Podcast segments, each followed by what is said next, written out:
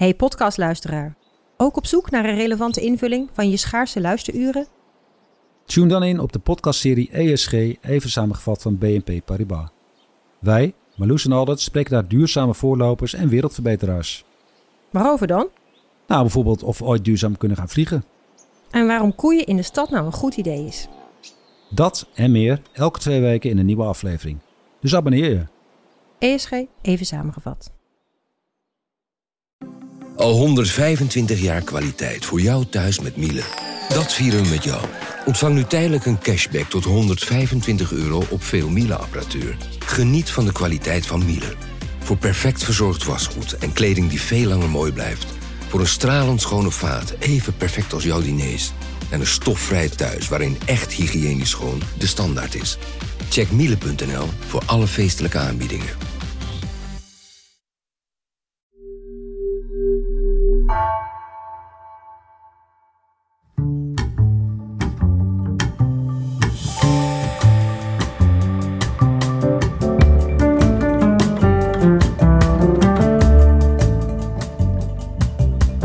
Welkom bij Heine en van Teutem. In deze podcast bespreek ik, Simon van Teutem, samen met Bas Heine en met onze gasten een aantal grote crises en hoe we daar weer uit kunnen komen. Vandaag bespreken we misschien wel het heetste hangijzer van onze generatie, namelijk klimaat.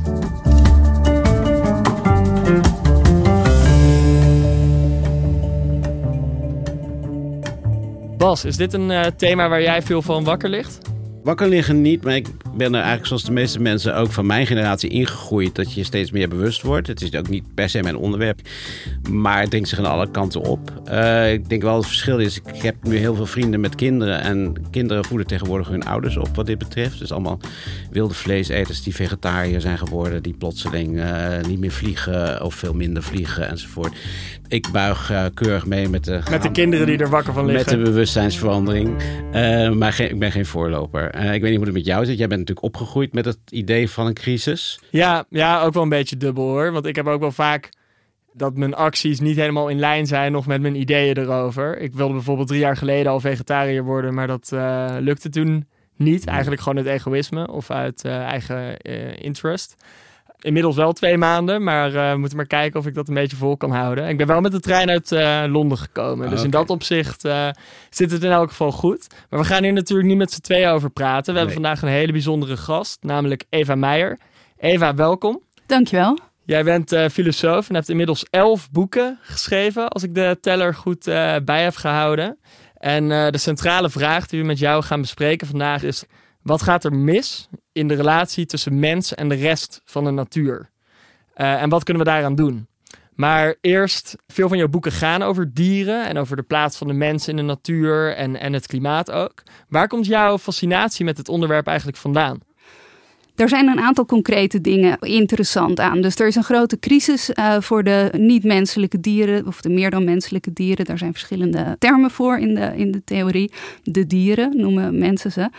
Maar goed, die dieren die hebben een crisis. En ik vind dat wij een morele verantwoordelijkheid hebben om daarover na te denken. Maar daar komen we misschien uh, straks nog eventjes op.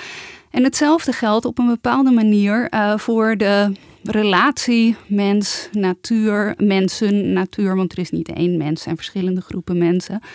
Dus zeg maar dat er een crisis is in de wereld is een ingangspunt. Maar goed, er zijn ook allerlei onderliggende filosofische vragen die me interesseren. Bijvoorbeeld, hoe verhoud je je tot anderen? Hoe moet je dat doen op een beetje een, een nette manier? Maar ook, hoe structureert de taal onze uh, ervaring? Wat is ervaring eigenlijk? Ja. En, uh, en de politiek van al die vragen.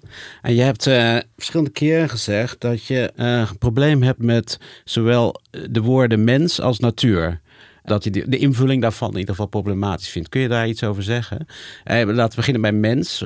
Eh, als mensen het over de relatie mens-natuur hebben, dan zeg je, er wordt eigenlijk altijd nog steeds gepraat alsof de mens tegenover de natuur staat het is natuurlijk ook een beetje een filosofenprobleem. Hè? Want in het dagelijks taalgebruik kunnen we die woorden heel goed gebruiken. En we kunnen ook heel goed met elkaar tot een soort overeenstemming of begrip komen over wat ze betekenen in een bepaalde context. Maar als filosoof is een van de dingen die je doet, uh, proberen te verhelderen wat er aan de hand is. En een van de punten die daarin interessant zijn, is inderdaad dat mensen zich buiten de natuur geplaatst hebben. Dat, Hmm. ehm, dat lijkt een houding te suggereren van de mens als heerser over de natuur. En eh, die houding heeft wortels in eh, denken dat al veel ouder is eh, dan wij. En door kritisch te onderzoeken naar hoe dat tot stand gekomen is, kun je beter begrijpen wat we aan het doen zijn. En wat heel veel mensen op dit moment aan het doen zijn, is toch nog steeds denken dat de natuurlijke wereld op een bepaalde manier een grondstof is of een gebruiksvoorwerp of iets dat bestaat voor de mens. En dat legitimeert eigenlijk het gebruik, waardoor wij als mensen ook in de problemen zijn gekomen. Ja, en dat thema raakt ook heel erg aan je nieuwe roman, die nu net uit is. Ehm, Zee Nu. Eh, in dat boek schets je eigenlijk een soort tweede waternoodsramp. Wat is in het eh, schrijfproces of in het denkproces voordat je dat boek schreef het belangrijkste inzicht dat je zelf hebt opgedaan? Over het algemeen eh, dienen romans zich in een eh, fractie van een seconde aan bij mij. Dus dit boek, zei nu, ik, ik liep met de honden buiten en toen dacht ik, oh ja, ik moet natuurlijk een boek schrijven over dat Nederland overstroomt. En eh, ik zal niet helemaal precies vertellen hoe dat gaat, want dat is jammer voor de mensen die het boek nog moeten willen lezen. Dus dan komt die zee, reageren eerst de, de eerste mensen die op het strand wandelen daarop. En daarna worden de politici ingeschakeld. Daarna Media. worden, nou ja, komt de media erbij. En En de ontkenners. er, dan ontstaan er ook al heel gauw ontkenners. Er ontstaan ook blijvers. Dat zijn de mensen die vinden dat helemaal die zee het land niet inkomt. Maar dat het een complot is en een grote samenswering. Waarschijnlijk uit de overheid of uh, misschien ook met een andere achtergrond. Nou ja, goed. Jij vroeg mij wat mijn inzicht is. Uh, en dat vind ik wel een goede vraag. Want je eigen inzicht over een roman uh, komt ook pas achteraf. Kijk, het verhaal is dat Nederland overstroomt en dat is uh, tragisch. Maar daaronder zit ook een soort groter besef dat we als mensen, dat ik als individu, dat wij drie die hier zitten, dat de levende wezens met wie we deze wereld delen, allemaal in hetzelfde schuitje zitten qua ontstaan en vergaan en geboren worden en doodgaan. En in die zin is het ook een boek dat gaat over de grote gebeurtenissen in je leven, die als een zee je van je sokken kunnen. Hmm. Hoe noem je dat? Stromen.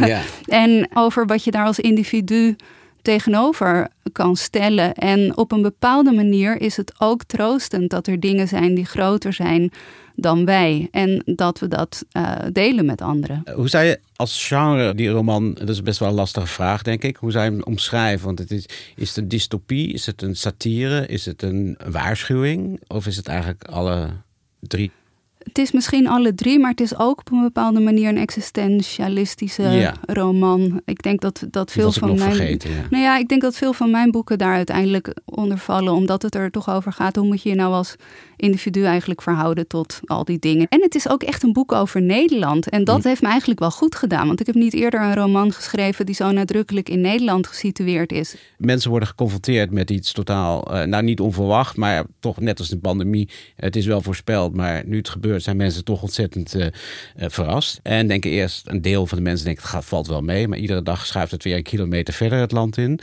En heel veel van jou, die personages, uh, dat zijn er veel. Hè, dat, zijn, dat, zijn, is eigenlijk meer een soort panorama van een, een maatschappij die reageert op zo'n natuurlijk fenomeen. En die zoeken allemaal naar een soort houding ten opzichte van iets wat ze niet helemaal kunnen begrijpen. Dat is eigenlijk, en sommige mensen doen dat in een soort, uh, die maken heel snel, trekken er een lijntje omheen. Of die weigeren zich er echt in te verdiepen.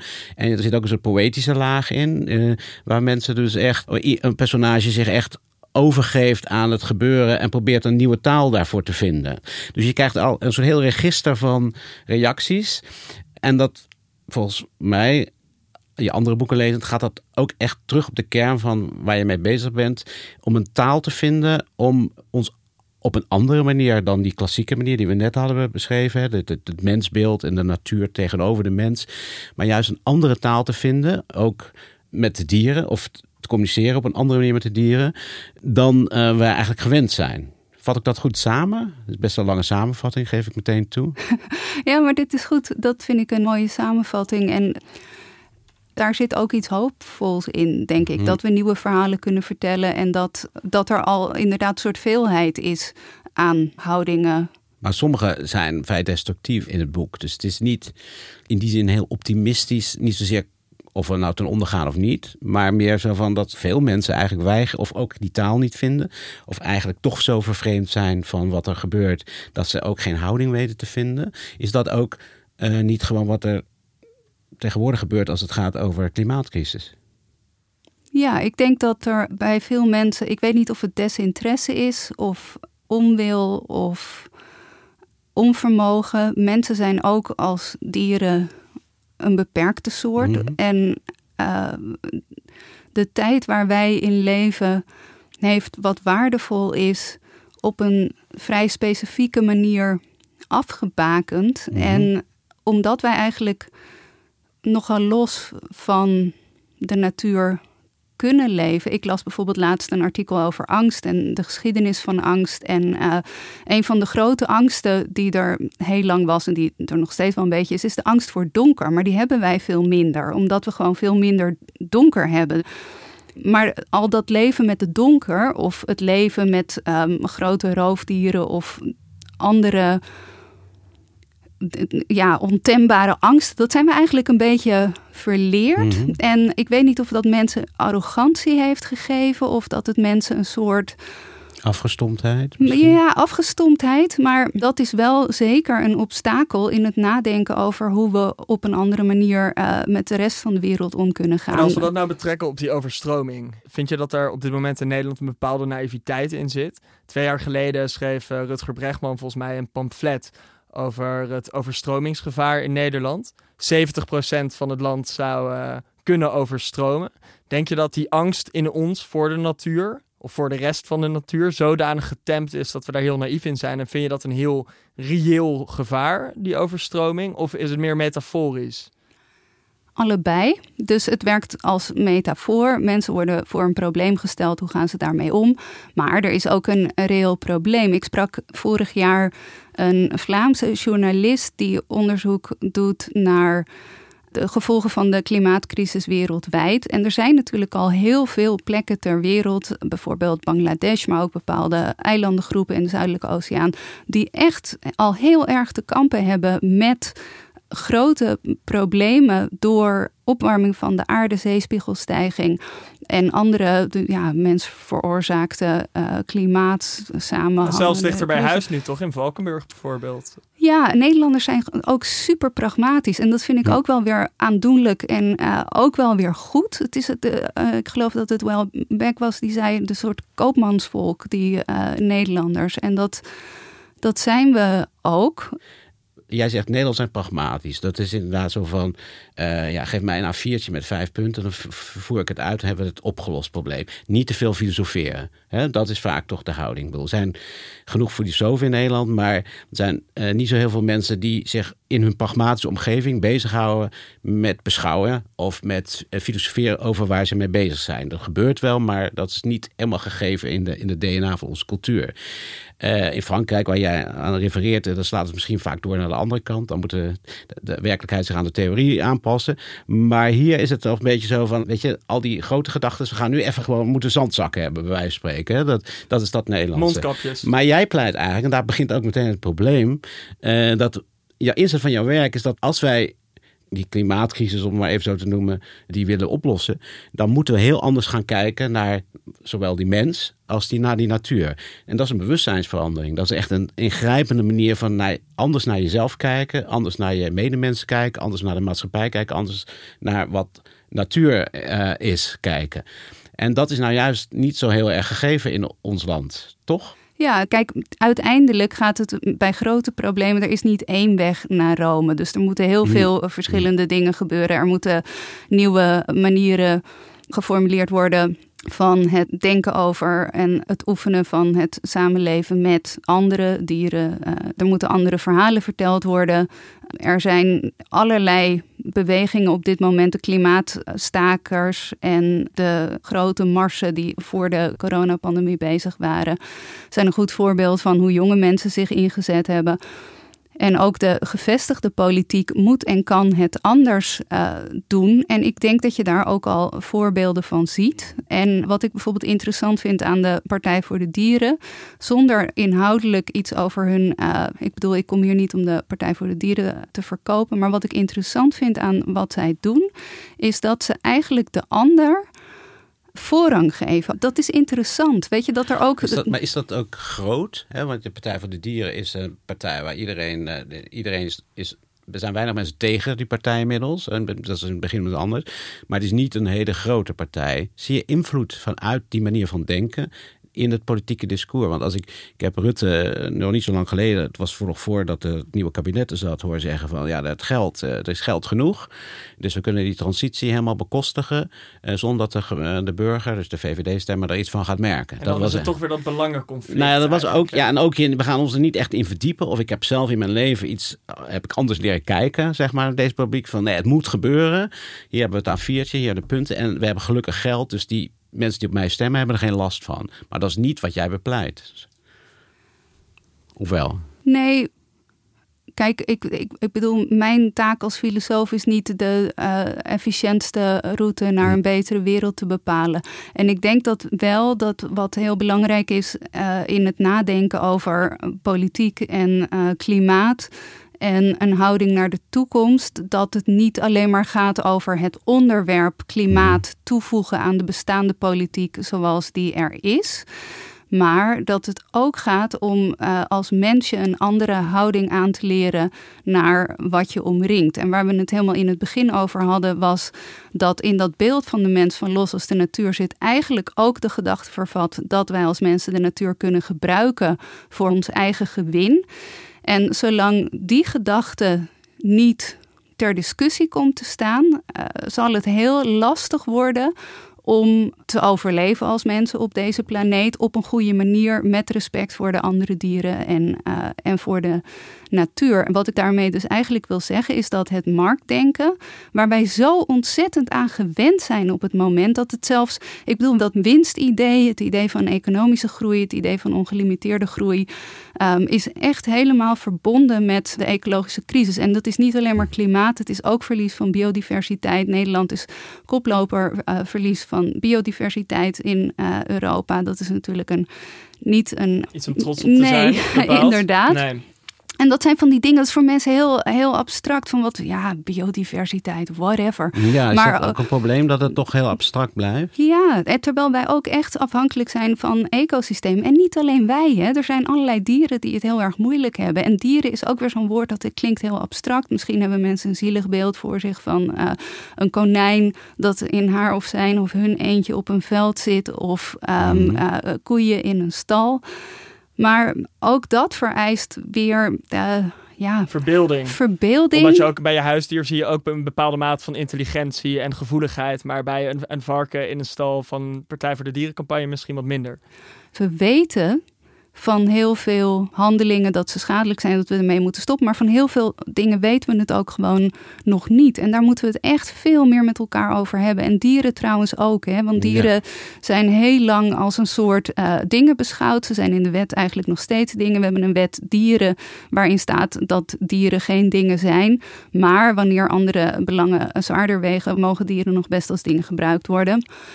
En ook dat staat eigenlijk haaks op aan de ene kant wetenschappelijk onderzoek dat laat zien dat ze absoluut geen dingen zijn. Aan de andere kant die individuele ervaring van mensen waar je het net over had met hun huisdieren, die ook eigenlijk aan mensen heel erg duidelijk maken dat dieren geen dingen zijn. Maar dat is een interessant punt als je zegt hoe mensen met hun huisdieren omgaan. Uh, maar het lijkt net, als je, zeker als je op internet kijkt, dat mensen een heel ander uh, begrip hebben van huisdieren. Dus poezen die iets geks doen, of poezenfilmpjes, zullen we zeggen. En laten we zeggen, de dieren in, uh, in, in megastallen. Dus het lijkt bijna of je een soort sentimentele versie hebt voor het dier. En een, een vrij onverschillige versie als het te abstract of te ver weg is. Of uh, niet in ons belang of in je eigen belang is, omdat je die kip nou eenmaal goedkoop op je tafel wil hebben.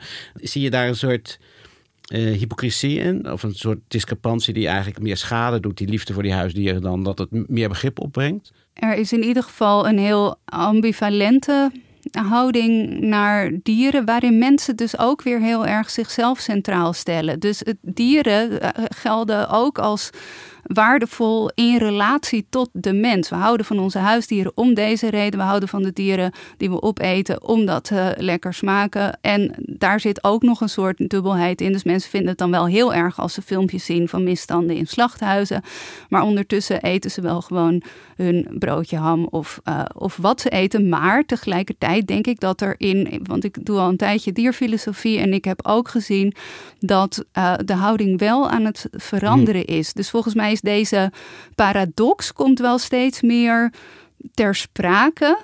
Um, maar wat me ook heel erg interesseert, uh, en wat ik eigenlijk nog veel raarder vind, is dat er in de, nou, een heel groot gat is tussen wetenschappelijke inzichten naar dieren, mm -hmm. die echt laten zien dat ze veel complexere innerlijke levens hebben dan we dachten. Ook die staldieren, uh, dat ze taal hebben. Kippen die spreken al tegen hun kuikentjes als die nog in het ei zitten. Ze hebben heel veel empathie, ze maken vrienden. Kippen geven de mensen met wie ze samenleven namen. zijn heel complexe uh, Dolfijnen geven elkaar ook namen.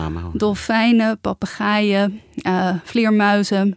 Dat soort inzichten en ook over culturen van dieren. En dat is overigens iets wat wel steeds meer meegenomen wordt in uh, ook nadenken over uh, natuurbescherming. Wat voor culturen hebben zij eigenlijk? En dat zijn vragen die we nu pas aan het stellen zijn naar talen van dieren en culturen van dieren, omdat er eerder gedacht werd dat ze die toch niet hadden. Behalve door een paar gekken, want je hebt altijd, elk decennium heb je wel een gek die over dieren nadenkt.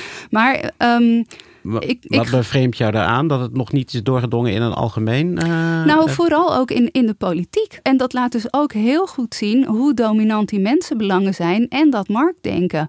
Want het, we weten al lang al dat dieren lijden. Hm. En ik denk dat heel veel mensen dat ook erg vinden. En ik denk ook hoe meer je erover weet en hoe meer je erover leest, hoe erger het eigenlijk wordt. Cultureel gezien begint het denk ik dus wel door te dringen. Maar blijft er een enorme hobbel zitten in, uh, in dat werkelijk serieus nemen als samenleving. Maar ik denk wel dat ook die klimaatproblematiek die de positie van de mens ter discussie stelt, um, mensen steeds meer doet inzien dat we van elkaar afhankelijk zijn, van de bijen. En dat er ook weer wezens afhankelijk zijn van ons. Maar dat gat tussen die cultuur en de wet, of de, hoe mensen zich gedragen en de wetenschap is denk ik wel een hele interessante, omdat de spanning daar een beetje twee kanten op werkt. Je hebt natuurlijk best wel veel mensen die nu uh, een klimaatblokkade doen, Extinction Rebellion, of die, die echt andere mensen direct aanspreken op hun gedrag. Uh, klimaatdrammer is een uh, woord in opkomst als we het over taal hebben.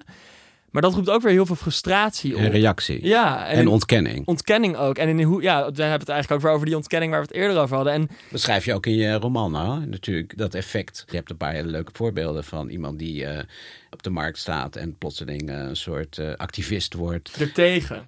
Um, hoe moeten we omgaan met het grote gat tussen de klimaatdrammers en de wetenschappers en de activisten? Latour heeft daar een boekje Bruno over geschreven. Latour, ja. Bruno Latour.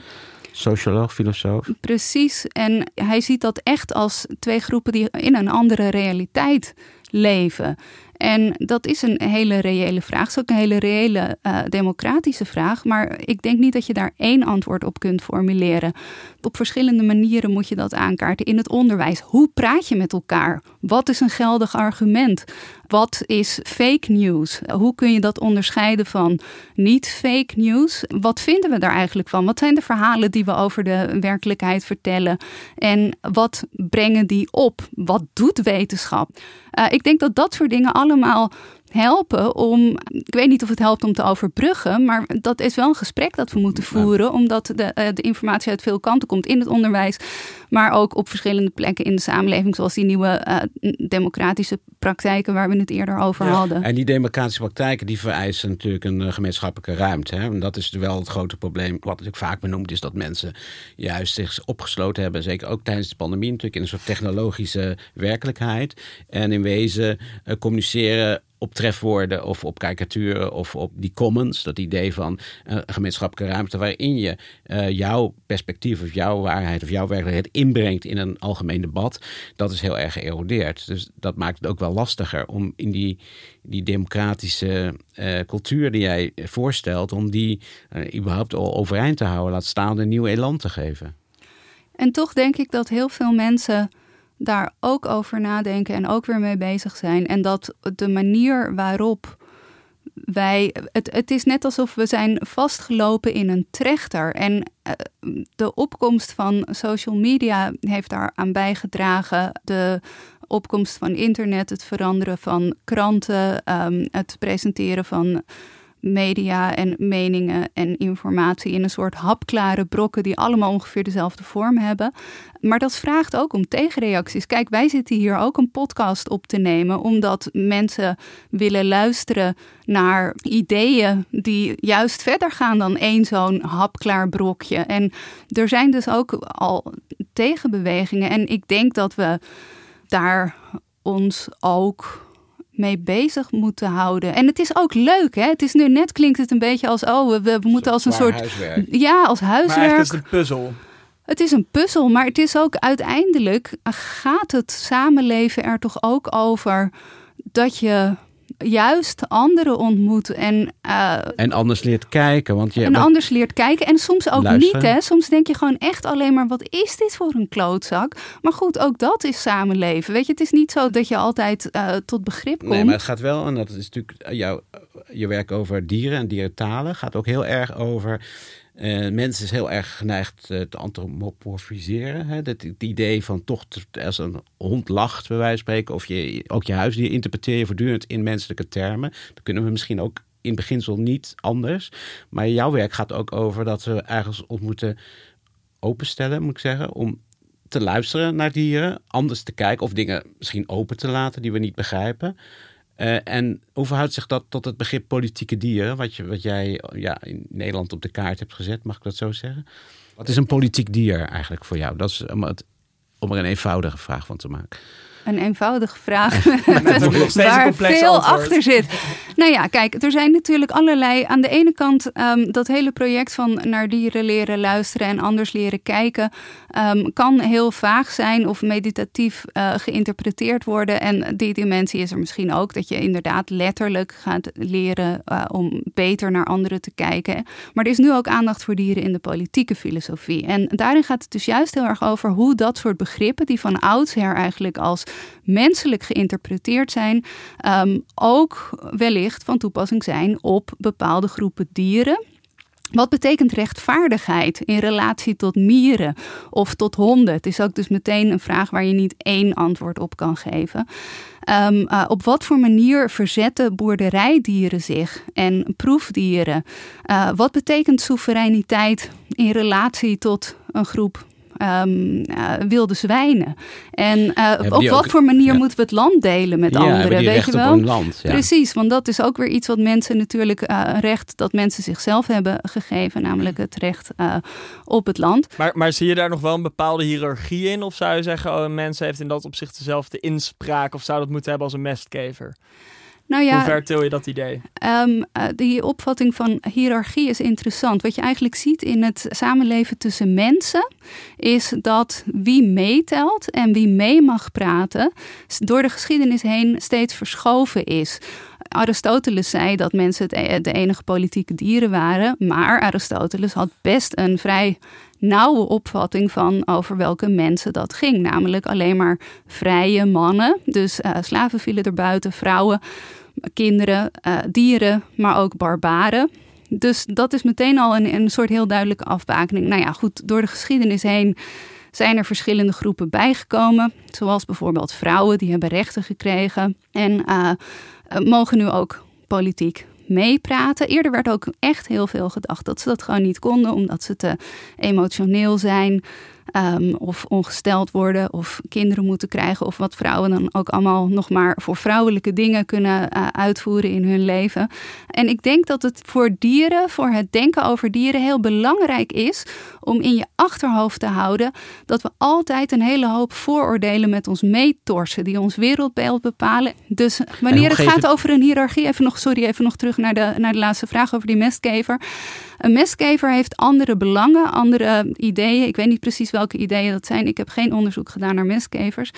A priori hebben mensen helemaal niet meer recht op het land dan een mestkever. Maar um, we hebben wel andere behoeftes, andere uitingsvormen. Maar niet per se uh, hoogwaardiger, zeg, zeg jij dus? Nee, maar dat is een, dat is een vraag die. Um, hoogwaardig veel... betekent niks. Kijk, uh, je hebt met een olifant andere mogelijke vormen van interactie en uh, deliberatie dan met een mestkever. Olifanten hebben een heel uitgebreide taal. Ze hebben namen voor elkaar waarin ze ook de familierelaties uh, aangeven. Ze hebben abstracte uh, begrippen, bijvoorbeeld uh, voor de dood. Ja. Met honden hebben we weer heel andere heel relaties. Zouden, heel veel mensen zouden tegenwerpen dat intelligentere wezens of wezens met een bredere belevingswereld, zoals dan misschien olifanten, varkens en ook wij als, als mensen, dat onze belangen, omdat die belevingswereld gevulder is of groter is of omvatrijker, in dat opzicht dus hoogwaardiger dan die van de mier of de mestkever. Ah, voor die mier of die mestkever is hun leven het enige leven dat ze hebben en het leven dat het meest stelt. B, hoe weet jij dat jouw uh, belevingswereld omvatrijker is? Dat is nogal een claim om te doen als je iemand niet kent en je niet in diegene verdiept hebt. Ik woon samen met uh, laboratoriummuizen. Muizen zijn ook dieren die niet heel erg hoog worden ingeschat. En ik sta elke keer weer versteld van de manieren waarop ze voor elkaar zorgen. Er zijn er onlangs een paar overleden. Uh, ze zorgen ook voor het dode lichaam nog, uh, hebben daar allerlei dingen voor ontwikkeld. Daarmee wil ik absoluut niet zeggen dat muizen gelijk zijn aan mensen, hetzelfde zijn als mensen. Het gaat juist om verschildenken. En ik denk juist dat door het kijken naar de kleine dieren die ook plannen hebben en ideeën, je iets kan zien van de wereld dat je misschien zelf niet kan zien. Hm. En wat ook heel belangrijk is, om nog even één ding te zeggen over die mestkever. Wittgenstein zegt altijd. Filosofen laten zich misleiden door de vorm van de taal, maar ze hebben ook de neiging om de verkeerde vragen te stellen. En wanneer je te ruw bent in je veronderstellingen um, uh, en te grof heb je de neiging om de ander te veel de ander te maken, of juist uh, te veel hetzelfde als jij. En ik denk zeker in het denken over dieren, omdat er heel veel is dat we nog niet uh, van ze weten, dat we juist heel precies moeten zijn en hier dan ook met de mestkever-expert aan tafel moeten gaan zitten. Is natuurlijk uh, al sinds de jaren zeventig een discussie over dierenrechten. Het probleem is natuurlijk dat de mensen die taal uh, moeilijk begrijpen. Dus, dus uh, zeggen we in een parlement uh, komen we er niet verder mee. Zie je wel positieve veranderingen in, het in die bewustwording? Zie je het wel opschuiven of is het, ben je best wel pessimistisch? Ik denk dat we een plicht hebben om hoopvol te zijn. Omdat in elk geval, ik bedoel of ik persoonlijk hoopvol ben of niet, dat doet er niet zoveel toe. Maar als politieke wezens denk ik dat we het beter kunnen doen dan we het nu doen.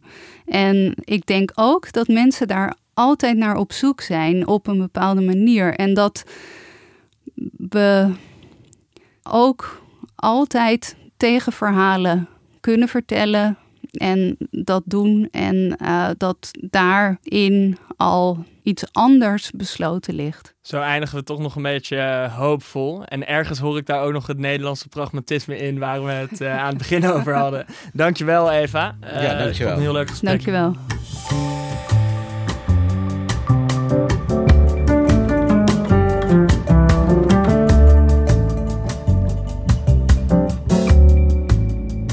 Dit was Heine en van Teutem. Volgende keer praten we over politiek samen met Mathieu Zegers. Te horen vanaf 15 maart. Producer van deze aflevering is Inge Terschuren. Montage en tune werden gedaan door Jeroen Jaspers en Bas van Bin. En luister alle afleveringen van Heine en van Teutem in de NRC Audio app.